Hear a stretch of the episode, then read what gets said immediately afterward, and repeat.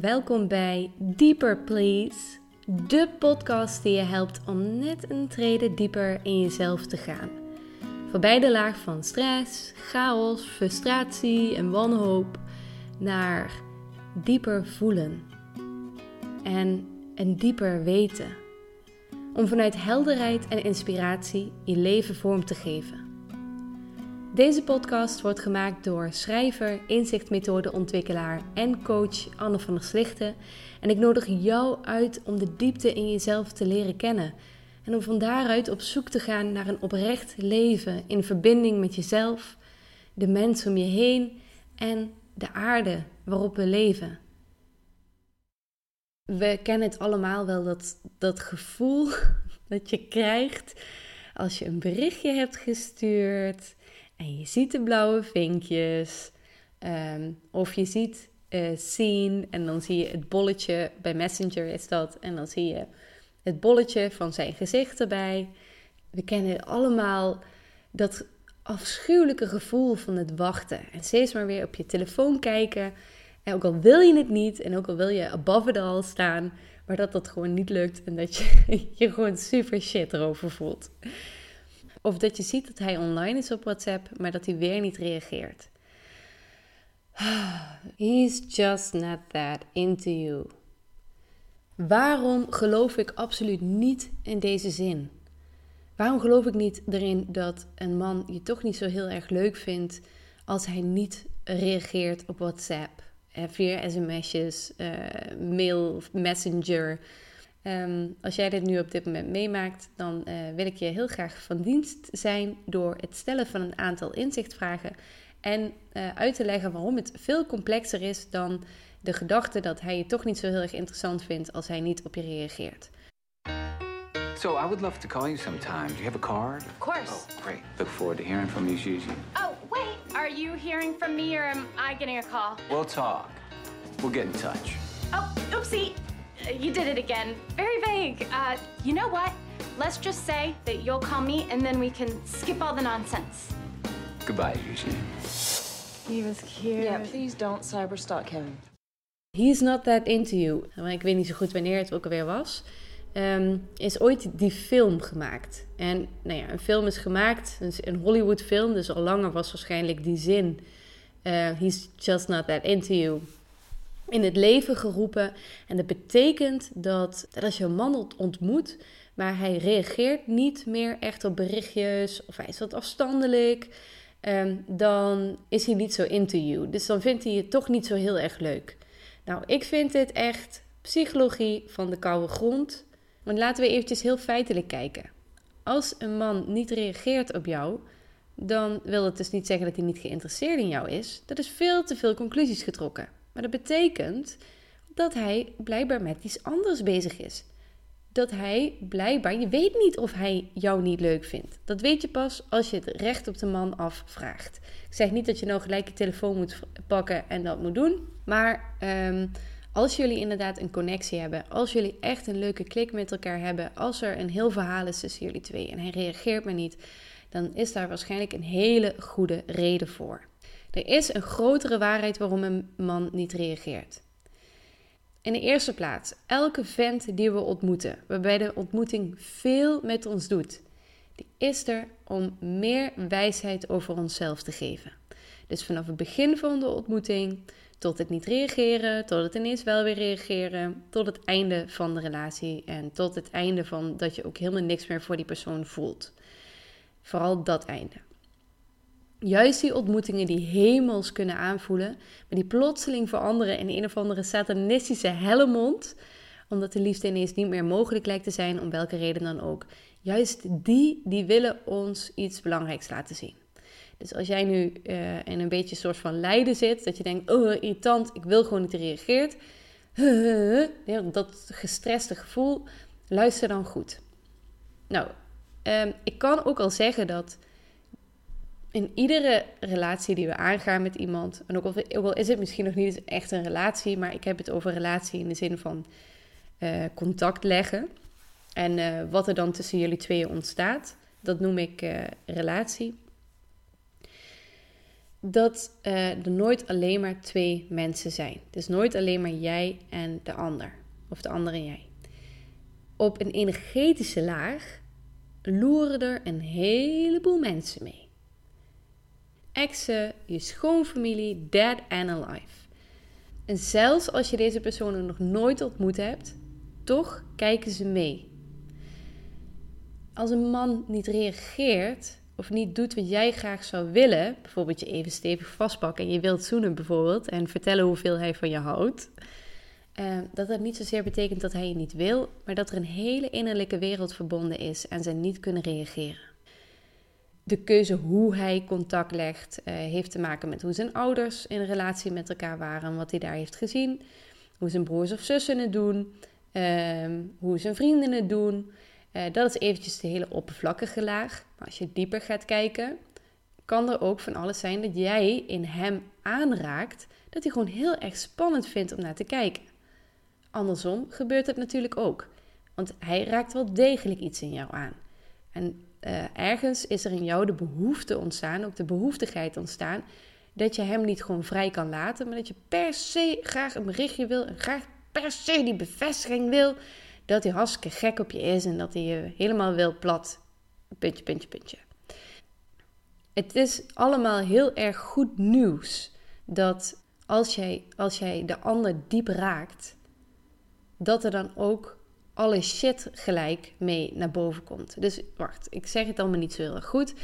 Maar als jij diep in je hart geraakt wordt in de liefde, dan betekent het ook dat alle onzekerheden die daarmee te maken hebben en alle angsten ook tegelijkertijd naar boven komen. En het, niet iedereen gaat daar zo even bewust mee om de meeste mensen voelen dan misschien alleen maar, merken ze dat ze gewoon niet die telefoon kunnen pakken en gewoon niet kunnen reageren en ze snappen niet waarom. Of uh, ze gaan zich ineens heel erg richten op werk, omdat ze eigenlijk wel iets voelen, maar dan denken ze: Oh, ik heb het gewoon druk op mijn werk, maar ze hebben niet door dat ze dat zelf creëren. Er zijn allerlei redenen voor. Als de liefde niet mogelijk is, in de zin van dat het gelijk helemaal walhalla leuk en lekker is, uh, dan mag er eerst een belangrijke verschuiving plaatsvinden voordat de liefde wel mogelijk is. En daar kan jij zelfstandig, daar kunnen wij vrouwen zelf al iets aan doen. Of als je een man bent en je komt er bij een vrouw tegen, jij kan hier ook iets aan doen. Want hoe kom je erachter welke belangrijke verschuiving plaats mag vinden? Dus let goed op, je hoeft niet naar die persoon toe te gaan en allemaal moeilijke gesprekken te voeren. Hoeft helemaal niet. Ik zou zeggen, als jij even in de stress zit omdat de ander niet reageert, go sit down on your ass.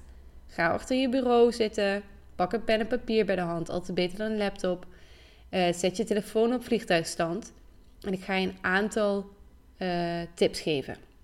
Een aantal inzichtvragen geven die jou gaan helpen om naar binnen te keren en erachter te komen wel aan hoe jij kan helpen aan de belangrijke verschuiving. Allereerst wil ik wel nog even zeggen wat je vooral niet moet doen op dit moment.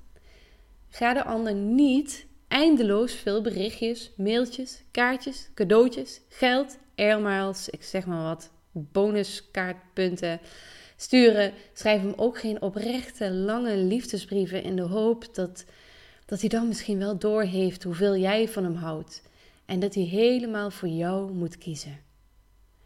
En plan ook niet dat je hem ergens toevallig tegenkomt. Vestig vooral niet al je aandacht op hem. Misschien is hij dat wel helemaal waard omdat hij hartstikke leuk is, maar doe dat maar niet. Laat hem volledig in zijn waarde, in zijn keuze, ook als hij gemengde signalen afgeeft. Want één ding is wel, is wel zeker, is wel duidelijk. Hij kiest op dit moment niet 100% voor jou. Waarom is dat? En wat kan jij daaraan doen om de energie tussen jullie twee zuiver te houden? Als je dat wel allemaal doet, als je wel al die berichtjes, kaartjes, appjes, weet ik veel wat allemaal stuurt, dan zal die alleen maar gefrustreerder raken en verder van je weg willen lopen. Want en vergeef me, want het gaat echt niet zo leuk zijn wat ik ga zeggen. Um, Als jij aan hem gaat trekken, uh, voelt hij zich meer gespannen. Hij komt iets tegen wat hij lastig vindt. En je hoeft hem niet te gaan redden. Je hoeft niet de prinses op het witte paard te zijn. Want ook jij komt ook iets tegen dat je lastig vindt. En daar mag alle aandacht naar uitgaan. Nog eventjes over hem en nog even over jou. Iets maakt het onmogelijk om nog vrij uit voor de liefde te gaan. Maar hij heeft besloten om dat alleen in zijn eentje aan te gaan. En hoe weet je dat? Omdat hij niet frequent genoeg reageert of niet reageert zoals jij het graag zou willen. Dus hij neemt geen contact met jou op. Als hij echt hulp zou willen, dan zou hij het wel vragen. Als hij moeilijke gesprekken met jou zou willen, dan zou hij wel voor je deur staan. En dan mag jij hem vertrouwen dat hij er op zijn eigen mannelijke manier. Oké, een beetje te veel spot, maar die wij vrouwen dus echt nooit zullen snappen, kan oplossen. Ook als hij niet aan zelfontwikkeling en zo doet. Want er zijn echt wel meerdere wegen die naar Rome leiden. Hij gaat een weg vinden om zijn diepere antwoorden, uh, om bij zijn diepere antwoorden en bij zijn bron van liefde, van, van waaruit hij echt een relatie bijvoorbeeld aan zou kunnen gaan, om daar te komen. En dat doet hij allemaal dus op zijn manier. Maar nu is dus dit heel erg belangrijk. Als jij vanuit jouw pijn en jouw stress, jouw frustratie, hè, dat hij maar niet reageert of niet reageert op de manier zoals jij dat graag zou willen, contact met hem opzoekt. En iedere keer bijvoorbeeld zegt van ja, oh, ik moet eerlijk tegen je zijn, ik hou van je, bla bla bla. Uh, en vergeef me weer dat ik het zo zeg, maar but we've all been there. Ik heb het ook zo gedaan. Uh, zo vaak. Het is zo makkelijk om als vrouw deze kant op te gaan. Zeker als je een beetje in de zelfontwikkeling zit, dan denk je van eerlijkheid is goed. Maar, um, en natuurlijk, eerlijkheid is ook goed. Alleen als jij de hele vanuit een staat van pijn en stress contact met hem opzoekt, dan creëer je meer pijn en stress bij hem. En nou, ik kan me zo voorstellen dat dat het allerlaatste is wat je wil. En daarmee weerhoud je hem ervan om op zijn manier dieper te gaan en op zoek te gaan naar zijn antwoorden naar zijn bron van liefde dus weer, om echt lief te kunnen hebben. Stress, pijn, chaotische gedachten, frustratie, het zijn allemaal reactieve emoties, zo noem ik dat. Die komen uit de eerste laag van ons bewustzijn. We hebben meerdere lagen, uh, waarvan de allerdiepste laag onze eigen wijsheid is, degene die we werkelijk zijn. Maar de allereerste laag, um, daarin huizen allerlei eerste emoties. Die, zodra er iets gebeurt, dat je helemaal in de stress schiet. Uh, of veel vluchten, bla bla bla. Stress, pijn, chaotische gedachten, frustratie, wanhoop. Ja, en iedereen die kan dieper gaan. Uh, om tot de echte antwoorden te komen. Dus iedereen kan voorbij de eerste laag gaan. Maar we hebben allemaal onze eigen weg om daar naartoe te gaan. En soms betekent dat, en dat is echt niet leuk, en zeker als je helemaal rood de botel bent en echt uh, diepe gevoelens hebt van houden van. Het is niet alleen maar een kalverliefde, crush. Soms moeten we dus iemand helemaal loslaten. En ook als dat betekent dat hij misschien met anderen het bed induikt. Uh, en iedere week, ieder weekend allerlei drugs slikt of flink uh, aan het drinken gaat. Want als jij al tenminste één keer gewoon heel duidelijk aan hem hebt laten weten dat je hem ziet zitten, nou dan weet hij het. En hoef je daarna uh, niet verder je nog je best te doen om hem te overtuigen of zo. Of om te denken, ik kan hem helpen. Maar ja, wat doe je dan met jouw eigen gevoelens? En daar wil ik je dus graag bij helpen. Op de een of andere manier vindt er een bepaalde verstrikking in jullie relatie plaats. Niet alleen dat hij dingen tegenkomt, maar jij komt ook dingen tegen. En een verstrikking betekent Zoiets als dat er een, ehm, een verwarring plaatsvindt op een energetische laag. Dus de laag die we niet zo met de blote oog kunnen zien, maar die we wel voelen. Um, jij kan deze verstrikking ontwarren door te kijken naar wat jou nou het meeste raakt in die relatie zoals die nu is. In de pijn dat hij niet reageert zoals jij dat graag zou willen. En zo maak je jezelf pijn van, van pijn en frustratie. Is belangrijk. Dus jij mag zelf voorbij die eerste laag gaan. Om dieper te gaan. En dat kan je in je eentje doen, dat kan je samen met een vriendin doen, dat kan je eh, samen met een coach doen, met mij bijvoorbeeld. En dit eh, zal hij in zijn deel van de onderliggende energetische verstrikking ook voelen. Door jouw werk kan hij ook dieper in zichzelf zakken en tot grotere antwoorden komen. En believe me, it's all true, want ik heb het zelf heel vaak zo ervaren. En daarom neem ik je heel graag mee naar een zondagochtend. Uh, tijdens het zondagochtendontbijt met broodjes en met ei, uh, waarop ik aan mijn vriend vroeg hoe hij kijkt naar de zin He's just not that into you. En uh, hoe het voor hem was dat ik vrij claimend gedrag op hele moeilijke momenten vertoonde. En na dit fragment heb ik een reeks inzichtvragen voor je om dieper in jezelf te gaan en op onderzoek uit te gaan waarom jij het zo lastig vindt waarom dit nu gebeurt.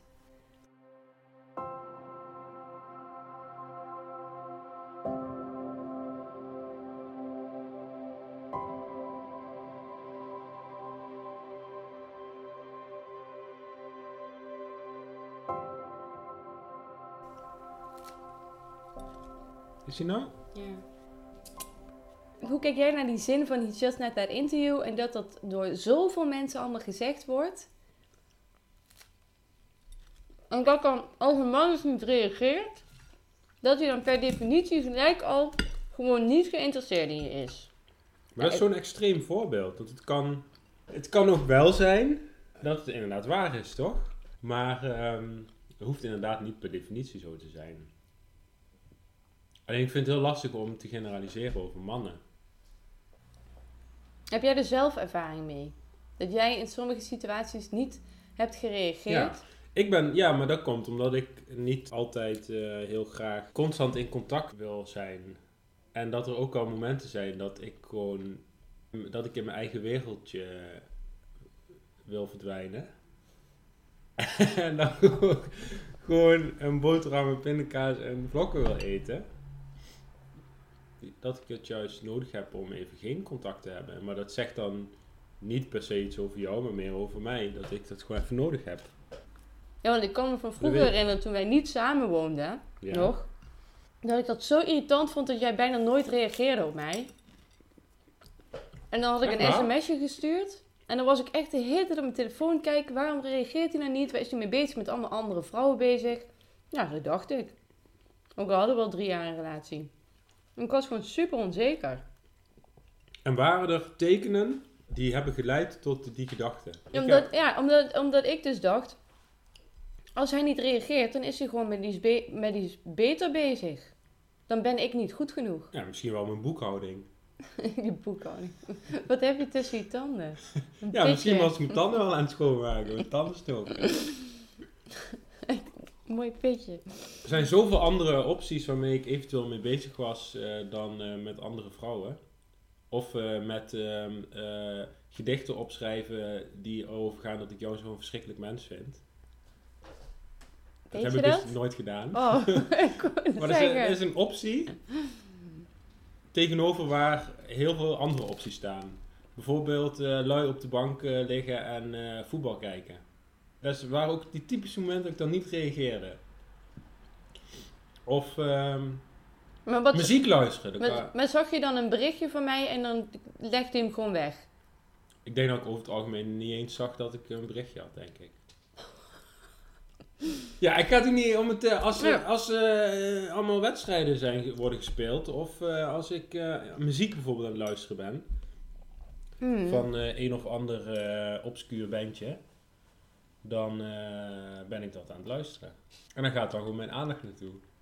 Maar wat ik dus wel heel interessant vind om te horen, is misschien, als we dan toch een verschil mogen maken tussen mannen en vrouwen, is dat vrouwen dus in het algemeen meer betrokken zijn met de mensen om haar heen en meer in het sociale misschien zitten. En ook een beetje verspreid zijn met hun aandacht. Dus een beetje van dit, een beetje van dat. Terwijl als ik jou zo hoor praten, en dat weet ik toevallig ook van andere mannen, dan is het voetbal is ook alleen maar voetbal. Uh, sporten is ook alleen maar even sporten. Studie is ook echt alleen maar even studie. Natuurlijk wordt er wel eens naar een mooie vrouw gekeken. Maar enkel vanuit intellectueel oogpunt. Ja, ja. daar geloof ik dus echt de ballen van. Maar ja, dit vind ik al, dit vind ik al heel interessant. Dus ehm, Ja, dat de focus ergens anders kan liggen. een hele gerichte aandacht. Ja, Ja, zo, daar herken ik mezelf wel in. Ja, ik weet niet hoe dat met andere mannen zit. maar ik ben ook nog wel benieuwd. Hè? Kan jij je nog herinneren? Ehm, dus die keren dat wij het wat zwaarder hadden in onze relatie. En die En waren er, dames en heren. Ja, die waren een heleboel.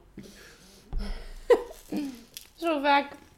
Mijn moeder die had in het begin echt niet gedacht dat wij nog samen zouden zijn. Echt waar? Maar ik zat altijd alleen maar te huilen om jou. Je had dat niet gedacht. Ja. Goh. Nee, ik vond gewoon niet samenwonen was, was verschrikkelijk. Ik weet niet waarom.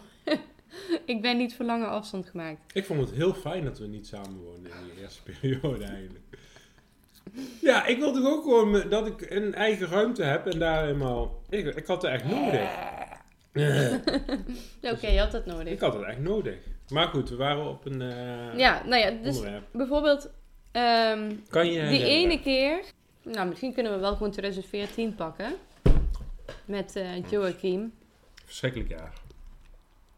Een zwarte bladzijde uit de geschiedenis. ja. ja, dat ik dus was vreemd gegaan. En ehm, met een Spanjaard op de Camino, pelgrimstocht naar Santiago de Compostela. En daarna wilde jij flink wat afstand nemen. En je wist het allemaal niet meer. En ik vond dat heel erg moeilijk om jou los te laten. En het was eigenlijk wel de, een van de zoveel keren dat ik jou echt flink los moest laten omdat er iets gebeurde. Maar kan jij nog herinneren dat ik jou toen ook heel veel berichtjes en alles heb gestuurd en kaartjes het sturen was met sorry en... eh. Trouwens, het grappige is, jij had afgelopen week hier een boek van eh, De Pest van eh, Albert Camus liggen. Prachtig. Ja, maar er lag dus een briefje in, kwamen Oh we ja. achter, van ook een periode dat het uit was. Ja, weet ik niet zeker. Denk je dat? Ja, dat stond er van, eh, je bent de grootste liefde van mijn leven. Nou ja, wanneer zeg je dat Dat zeg nou? je alleen maar Als, als... je de ander echt wil. Ja, zo gaan die dingen. ja. Nee, maar kan je er nog Ik iets kan van me die herinneren? eh, periode zeker nog wel herinneren, ja. Maar ehm, ik kan me het ook nog herinneren het jaar daarvoor. Ja, Dus je met iemand anders vreemd was gegaan. ja. En ik zeg dit eh, voorbeeld niet omdat ik eh, Nee, ik nu het. het nog extra wil benoemen. Maar wel omdat ik dat eh, me meer kan herinneren nog dan die andere periode. Want toen, ehm, toen hebben we besloten om het uit te maken. En toen heb ik ehm, in die periode dat het uit was, heb ik meteen een vlucht geboekt naar Budapest. Zat je niet op de bruiloft van mijn broer? Ja, wat zeg je dat nou, oordelend? Jij eh, wilde met een andere man ehm pannenkoeken bakken. Ja, maar daar, maar daar was ik toen al helemaal niet meer mee samen. Maar nee, nee, maar in die periode dat ik het boekte wel. Dus toen heb ik geboekt en toen zijn we daarna ze- hebben we nog op eh, 7 juli 2014. Ja, dat was, op, dat was echt 7 juli volgens mij, serieus. Wat, wat, weet je, wat is het dan? Toen hebben we begin juli nog, zijn we, zijn we hier gaan rondlopen in eh, Nijmegen. En toen zei jij van, ehm, van ja, maar het is toch niks eh, met, met een ander. En eh, ik wil wel heel graag met jou zijn. En ik eh, was heel erg aan het twijfelen, ik wist het allemaal niet zo goed. En toen zei ik, nou, ik wil eerst gewoon naar Boedapest en daar nog een beetje rondreizen in Oost-Europa. En toen ben jij heel veel berichtjes gaan sturen, voor zover ik me kan herinneren, toen ik daar was, in Boedapest. En, ehm, maar toen heb ik volgens mij jou laten weten van ja, waarom stuur je me nog- stuur even allemaal geen berichtjes? Ik eh, ben gewoon hier nu en ik eh, heb dit nodig. Ja. Ja, en ik vond dat heel erg moeilijk om hem zo los te laten daarin. Dat, dat voelde voor mij als onmogelijk, omdat ik dan... Het voelde, als ik dat zou doen, dat de relatie dan voor eens en voor altijd beëindigd zou worden. En dat het dan ook echt mijn schuld was. Ik wilde hoop houden in onze relatie. Dus het echte, het, het echte doen van het echte loslaten wat daarbij hoort, dat is was gewoon vreselijk eng. En ik werd heel erg met mezelf geconfronteerd. Door jou ook zo los te laten. Ik heb me echt zo, zo ellendig gevoeld. Maar, maar dat zijn wel en de... eigenlijk is dat heel goed geweest. Ja, want dat zijn echt de momenten geweest in mijn... eh, in deze relatie. Juist door ook met jou in een relatie te zijn. En alle dingen die we zijn tegengekomen. Mijn verliefdheden op anderen, eh, het loslaten daarna, ehm, te, van elkaar niet weten wat er daarna weer gaat gebeuren. Dat zijn ook echt de momenten geweest waarop ik zelfliefde heb geleerd. Dus hoe, hoe kan ik dat, wat ik de hele tijd maar bij een ander aan het zoeken ben, van waardering en eh, ik ben een leuk mens en zo, hoe kan ik dat tegen mezelf zeggen? Dat is sowieso lastig. Hoe kan ik ooit tegen mezelf zeggen: Je bent een leuk mens als je net een super lieve gast bedrogen hebt? Zo, even jou. Ja, ik moest even een eierschaal kapot brengen in deze situatie. Dat was voor mij een hele kunst om me niet te identificeren met de, met de fouten die ik maak. En dat heb ik toen heel goed geleerd. Dus als een man niet reageert en het doet je heel veel pijn, en het, het doet gewoon heel veel pijn. Zeker als je heel erg gek bent op iemand. Of je moet iemand echt loslaten. Dan wil dat je ook op iets heel puurs in jezelf wijzen. Je daar, je daar dus naartoe brengen. En dat heeft dus waarschijnlijk ook te maken met zelfliefde. En jezelf echt kunnen zien voor, uh, als vol, volwaardig kunnen, kunnen zien voor wie je werkelijk bent. En niet dat je dat de hele tijd maar aan een ander vraagt of die dat zo dat hij jou daarin bevestigt. Want dat is een eindeloze, moeizame weg. En we doen het allemaal. Maar we komen allemaal op momenten in ons leven waarop we dit moeten leren. En het is eigenlijk altijd the hard way.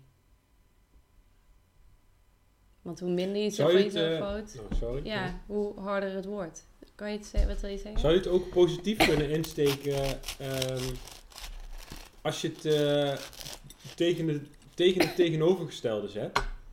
Stel nou dat uh, je heel erg verliefd bent op iemand en iemand anders die. Of je vindt iemand leuk. En uh, die andere die stuurt je ook allemaal berichten. En die reageert super snel op je berichten en zo. Ja. Heb je dan wel de ruimte en de tijd om te onderzoeken of je het al echt leuk vindt? Of ga je dan Oh, heel mooi. snel mee op de, op de snelheid van eh, eh, het spel met elkaar? Ja, en het idee van, oh, een leuk iemand. Het verhaal van, ik zou graag een relatie willen hebben. En eh, leer je elkaar dus echt wel kennen. Want misschien door iemand echt te willen leren kennen, moet je eerst ook leren voelen wat jij eigenlijk werkelijk bij de ander voelt. Dat is diep.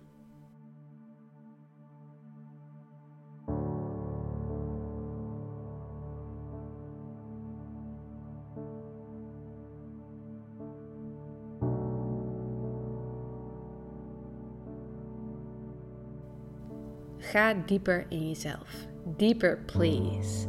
De kunst is om je aandacht niet langer op de ander te richten, maar volledig op jezelf. Dus organiseer een retreat op, in, je, in je eigen huis. Zet een kaartje aan, chocolade erbij, lekker water. Ga op onderzoek naar het verhaal van de relatie in jouw eigen binnenwereld. Dus jij hebt hem om een of andere reden ontmoet. Het wil iets aan jou laten zien. Al die frustratie, al die chaos, al die stress die jij nu voelt, is een duidelijk teken aan de wand dat jij dieper in jezelf mag gaan. En dat er iets heel moois naar boven wil komen. Om je te helpen en om meer duidelijkheid dus te geven, heb ik een aantal vragen op een rij gezet die je zullen helpen om van die chaotische gedachten af te komen, van het obsessieve denken af te komen, van de extreme te wilde verlangens af te komen. Dat kan heel, heel vurig in jezelf misschien zijn als je een beetje op mij lijkt. Um, om meer inzicht te krijgen in waarom jij het zo lastig vindt om vrede te krijgen in deze situatie. Om meer innerlijke rust te krijgen en een helder hoofd terug te winnen. En om een liefdeswonder in jezelf toe te laten. Oké. Pak pen en papier erbij en schrijf een voel mee als dit onderwerp iets is waar jij nou mee zit. Dus typ het niet, maar schrijf het. En neem echt de tijd ervoor. Dus zorg er ook voor dat niemand je even kan storen. Dus het is alleen maar jij, mijn stem en uh, pen en papier. En ik vertel je later waar het allemaal goed voor is. Vraag nummer 1. Stel aan jezelf de belangrijkste vraag der zelfonderzoekvragen. En dat is: wat is de realiteit? Met andere woorden, wat weet ik zeker? Wat zijn de feiten? Dus je hebt dingen, verhalen die je in je hoofd maakt. Maar wat zijn nou eigenlijk de feiten? Dat hij uh, nou niet bij jou wil zijn op de manier die jij wil? Check. Ehm, dat het je onzeker maakt en dat het je gruwelijk veel pijn doet? Ja, check. Dat je misschien doodsbang bent om hem te verliezen? Ja, vooral die. sta even stil bij deze vraag. Dus wat is de realiteit? En schrijf het op. Wat is de realiteit in mijn situatie? Als het goed is, brengt deze vraag je al gelijk in een andere staat van voelen en denken. Alsof de pijn in jezelf ietsje groter wordt. Klopt dat? En als het zo is, dan is het een goed teken. Pijn is fijn. Je reist al iets dieper door jezelf heen. En dat is heel erg mooi. Dus je doet het heel erg goed. Dus ik ga het nog één keer vragen aan je. Wat is de realiteit? Wat weet je zeker? Wat zijn de feiten? Hij wil geen contact met me. Als dat zo is, schrijf dat op. En schrijf op wat het met je doet. En waar je bang voor bent. Je mag vrij kort afreageren. Dat is helemaal oké. Eén zinnetje per. Gewoon wat er in je opkomt is goed. Als het maar een rake zin is. Vraag nummer 2.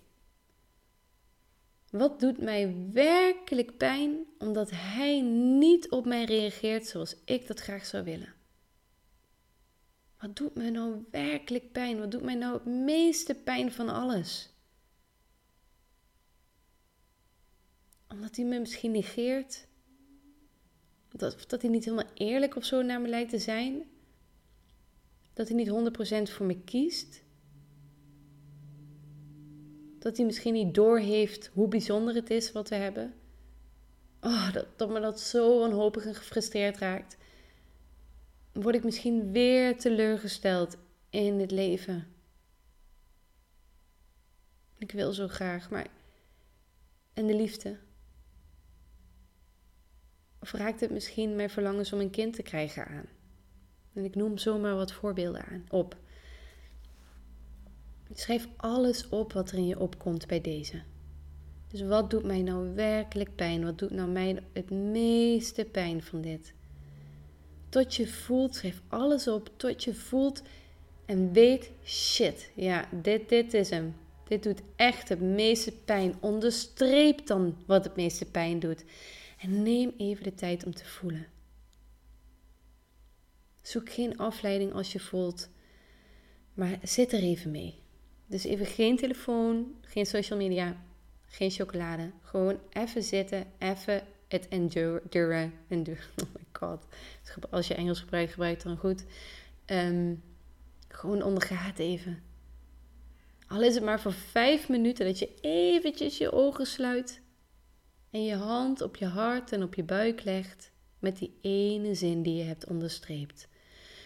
Dus wat doet mij werkelijk pijn omdat hij niet reageert zoals ik dat graag zou willen. Neem de tijd ervoor, schrijf alles op.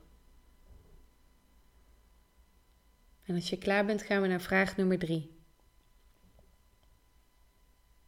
Vraag nummer drie. Wat nu als jullie nooit echt samen een relatie zullen hebben? Of met elkaar verbonden zijn op een manier zoals je dat graag zou willen?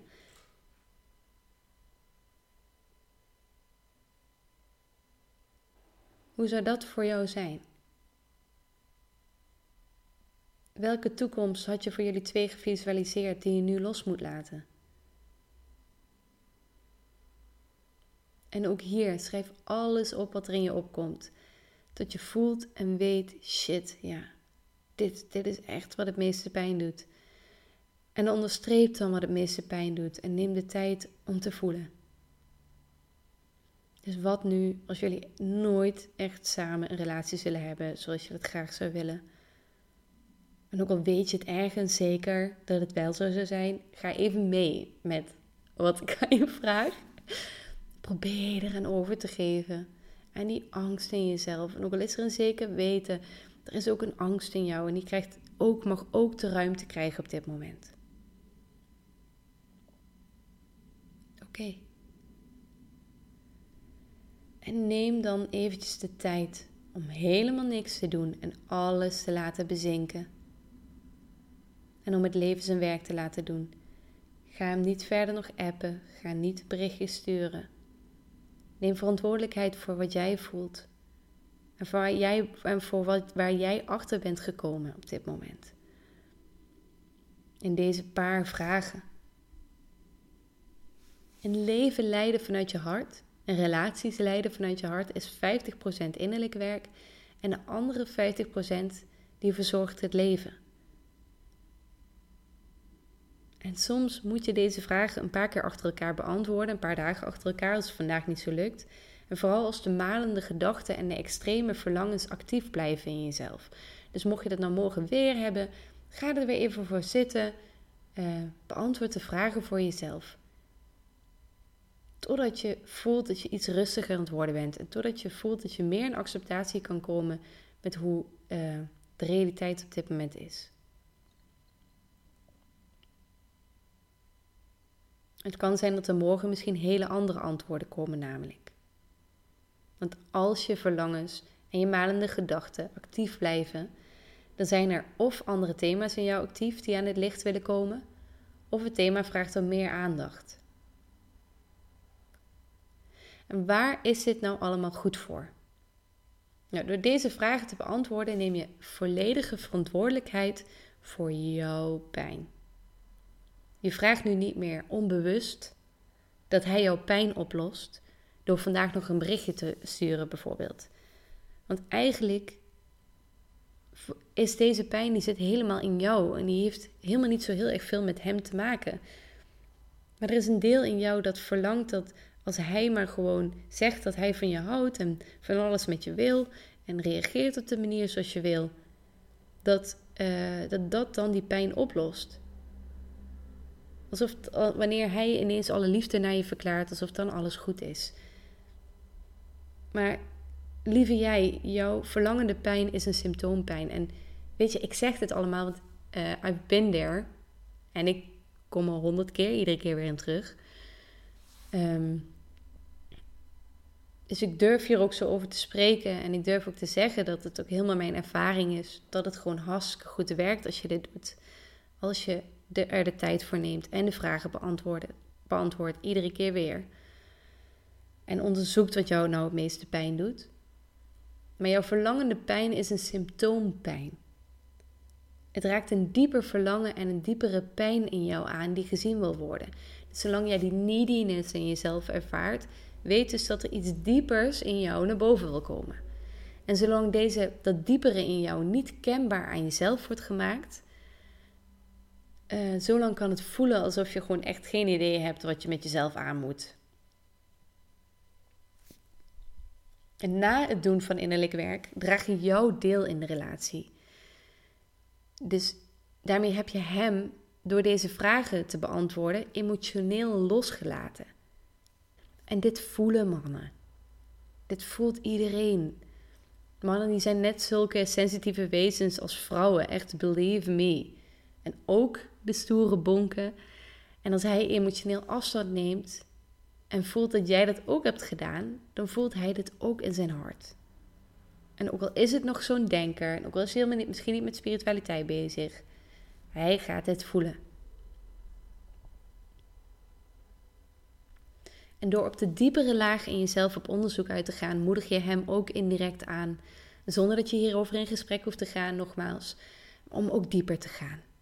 Want jullie zijn met elkaar verbonden op een manier die je niet kan zien. En alles wat jij doet heeft ook effect op hem. Het trilt door naar hem. We zijn allemaal energie. En dit is gewoon hele coole spirituele natuurkunde. Jij maakt de weg innerlijk vrij om hem te ontvangen. En don't think dirty here. Als jij dieper zakt, zakt hij ook dieper, dieper, dieper. Je helpt elkaar. Maar als dat nou geen liefde is. En soms kan dat heel erg lang duren. Daar ga ik niet over liegen. Soms kan een man ook wel echt wel meerdere jaren flink in de war zijn. Maar let dan ook vooral goed op in je dromen. Want het zou heel goed kunnen zijn dat jullie elkaar in elkaars dromen opzoeken. Dat heb ik meerdere keren gehad. En wees heel eerlijk naar jezelf. Als jij ergens voelt dat het misschien nu nog niet helemaal het moment is om op een manier een relatie aan te gaan zoals je dat graag zou willen, wees hier dan ook heel eerlijk naar. En ga het niet overschreeuwen. Het hoeft trouwens niet te betekenen dat de ander uiteindelijk ook voor jou zal kiezen. En ja, dat doet heel erg veel pijn misschien om dit te horen. Maar als jij de weg naar binnen hebt gemaakt, en als je dat echt goed regelmatig doet, en als je het daarover met, ook, uh, over met andere mensen over hebt, dan, uh, dat je er niet alleen in hoeft te staan. Dan ben je zo rustig geworden dat, je eigenlijk ook, dat het je eigenlijk ook allemaal niet meer zoveel uitmaakt. Hoe dan ook los van alle leuke theorietjes. Zelfonderzoek is fijn en soms de enige weg om weer wat gelukkiger te worden en de dag doorheen te komen. Dus wat heb je te verliezen? Dus als je de vragen nog niet hebt kunnen beantwoorden, luister het weer terug en uh, beantwoord de vragen voor jezelf. En voel. En het kan heel erg fijn zijn om, als het niet zo goed in je eentje lukt. Natuurlijk kan het ook altijd met mij. Ehm, als het niet zo goed in je eentje lukt om misschien met een vriendin dit te doen, om samen even naar de vragen te kijken. En misschien zit zij ook wel in zo'n situatie, zodat jullie beiden aan de slag kunnen gaan. En uh, het aan elkaar kunnen voorlezen. Want het is heel erg fijn om ook een toehoorder te hebben. En dan kan je soms net wat dieper gaan dan in je eentje. Nou, um, ik wens je heel erg veel sterkte en uh, succes en in het onderzoeken van de diepere lagen. Um, en de eerstvolgende keer als iemand zegt, he's just not that into you, dan steek je gewoon je middelvinger op. Of je trekt echt een heel lelijk gezicht. En dan zeg je, sorry, maar ik wil niet met die gedachten meegaan. Want ik weet dat uh, op een dieper niveau we energetisch met zoveel meer dingen verbonden zijn dat zeg je dan gewoon, ook al gelooft die andere persoon helemaal niet met, zit, is helemaal niet met spiritualiteit bezig. En uh, dan zeg je van daarin wil ik niet geloven. Um, ik wil geloven dat op het juiste moment, en als ik mijn innerlijke werk doe, dat, uh, dat, uh, dat die misschien wel beschikbaar is voor mij. Maar ik ga hoe dan ook er alles aan doen om voorbij mijn stress te gaan, voorbij mijn chaos te gaan. Ik heb verschillende accenten aan doen, nu staat er maar nergens op. Um, ik ga er alles aan doen om voorbij mijn stress te gaan, voorbij mijn grootste gedachten te gaan. En verdomde goed voor mezelf te zorgen door mezelf een paar hele belangrijke vragen te stellen. Oké, heel veel liefs en tot de volgende keer. Dankjewel voor het luisteren naar Deeper Please. De podcast die je uitnodigt om net een trede dieper in jezelf te gaan. Heeft dat wat je net gehoord hebt je geraakt? Schroom dan niet om het te delen met mensen waarvan je vermoedt dat ze het ook wel interessant zullen vinden. Want met jouw steun zorg je ervoor dat deze podcast genoeg brandstof en zuurstof heeft om een leven gehouden te blijven worden. Wil je op een andere manier steunen? Dat kan ook. Je kan deze podcast bij Apple Podcasts ook sterretjes geven en je kan een review achterlaten. Want hoe meer sterretjes het heeft en hoe meer reviews het heeft, hoe eerder het gevonden wordt op het wereldwijde web. Dankjewel voor het luisteren en dankjewel voor jouw steun. Tot de volgende keer.